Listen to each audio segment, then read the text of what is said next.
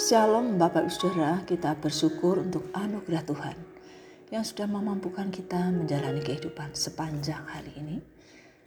Kita bertemu kembali di renungan malam Kamis kedua Juni 2022. Mari kita tetap berusaha untuk meluangkan waktu memperhatikan relasi kita dengan Tuhan.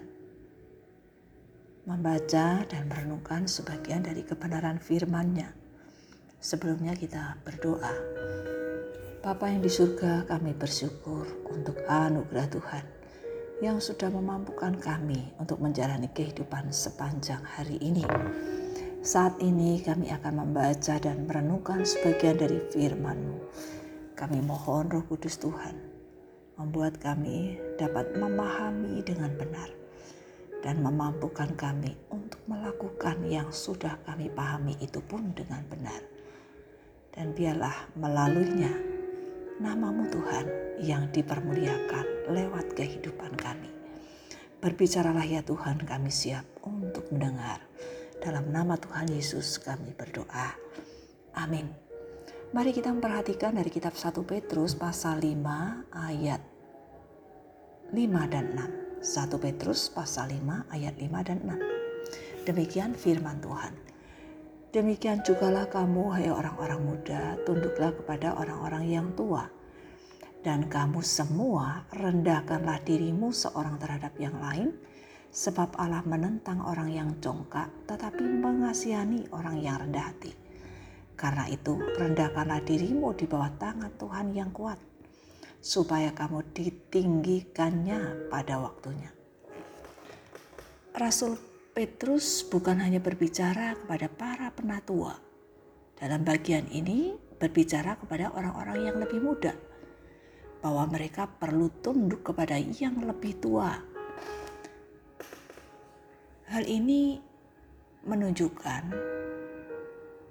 mengingatkan, mengajarkan tentang bagaimana mereka menghormati sebagai wujud ketaatan kepada Tuhan.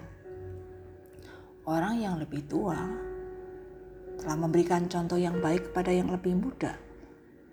Meskipun kita sadari mereka bukan orang yang sempurna, ada kelemahan dan kekurangannya. Setiap sumber otoritas yang ditetapkan oleh Tuhan bukan berarti harus dipatuhi tanpa pertimbangan tetapi harus ada sikap ketundukan dengan mereka yang berada di bawah otoritas. Yesus taat pada orang tua duniawinya yang dapat salah. Hal ini mengajarkan orang yang lebih muda agar taat kepada orang yang lebih tua, taat kepada Tuhan. Sangat penting untuk tunduk satu sama lain karena menyadari saling membutuhkan. Dikatakan, dan kamu semua rendahkanlah dirimu seorang terhadap yang lain. Yang lebih tua membutuhkan yang lebih muda. Demikian juga sebaliknya. Yang lebih muda membutuhkan yang lebih tua. Kerendahan hati yang lebih tua akan menginspirasi pada yang lebih muda. Demikian pula kerendahan hati yang lebih muda akan menginspirasi pada yang lebih tua. Oleh sebab itu, berusahalah untuk tunduk, menghargai satu sama lain, berusaha untuk saling melayani, siap melayani. Jadikanlah perilaku lahiriah sebagai bukti kerendahan hati, karena Allah menolak orang yang sombong. Kesombongan adalah awal dari kehancuran. Kerendahan hati akan nampak dalam tindakan dan perkataan dalam kehidupan sehari-hari. Tuhan Yesus bukan hanya mengajarkan kerendahan hati, namun Dia juga memberikan contoh kerendahan hatinya yang telah dinyatakan dalam seluruh hidupnya. Rendahkanlah dirimu di bawah tangan Tuhan yang kuat dan akan ditinggikan Tuhan. Siapa meninggikan diri akan direndahkan, tetapi siapa merendahkan diri akan ditinggikan pada waktunya. Ketika mengalami kesulitan, ingatlah tangan Tuhan akan terus menopang. Di belakang tangan manusia, kita melihat tangan Tuhan. Jika kita dengan sabar tunduk kepada Tuhan, Dia akan meninggikan pada waktunya. Kerendahan hati merupakan wujud ketaatan kepada Tuhan. Akan nampak bagaimana melayani Tuhan dan sesama. Jika kita tidak merendahkan diri di bawah kasih karunia Allah, maka Allah akan merendahkan kita di bawah penghakimannya. Mari kita berdoa. Bapa yang di surga, terima kasih untuk teladan yang telah Engkau ajarkan. Kerendahan hati, bahkan Kau sendiri telah membuktikan bagaimana seluruh hidup Tuhan Engkau nyatakan bagi kami orang-orang berdosa.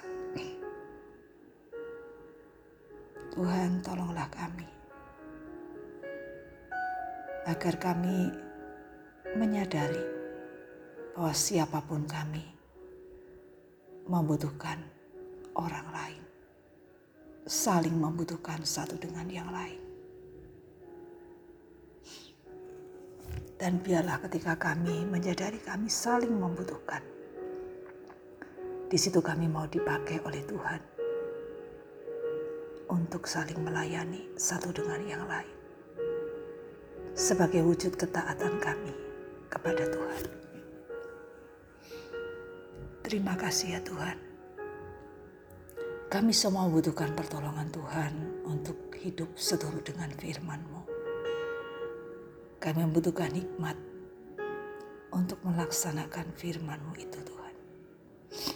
Terima kasih ya Tuhan kami menyerahkan istirahat malam ini kepada Tuhan Yesus, Sang Pemilik hidup kami.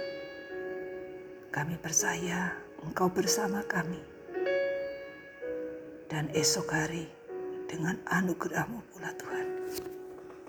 Engkau akan memampukan kami menjalani hari-hari kami. Terima kasih Tuhan. Kami berdoa bersyukur. Di dalam nama Tuhan Yesus Allah kami yang hidup. Amin.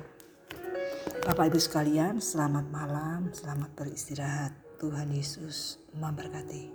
Amin.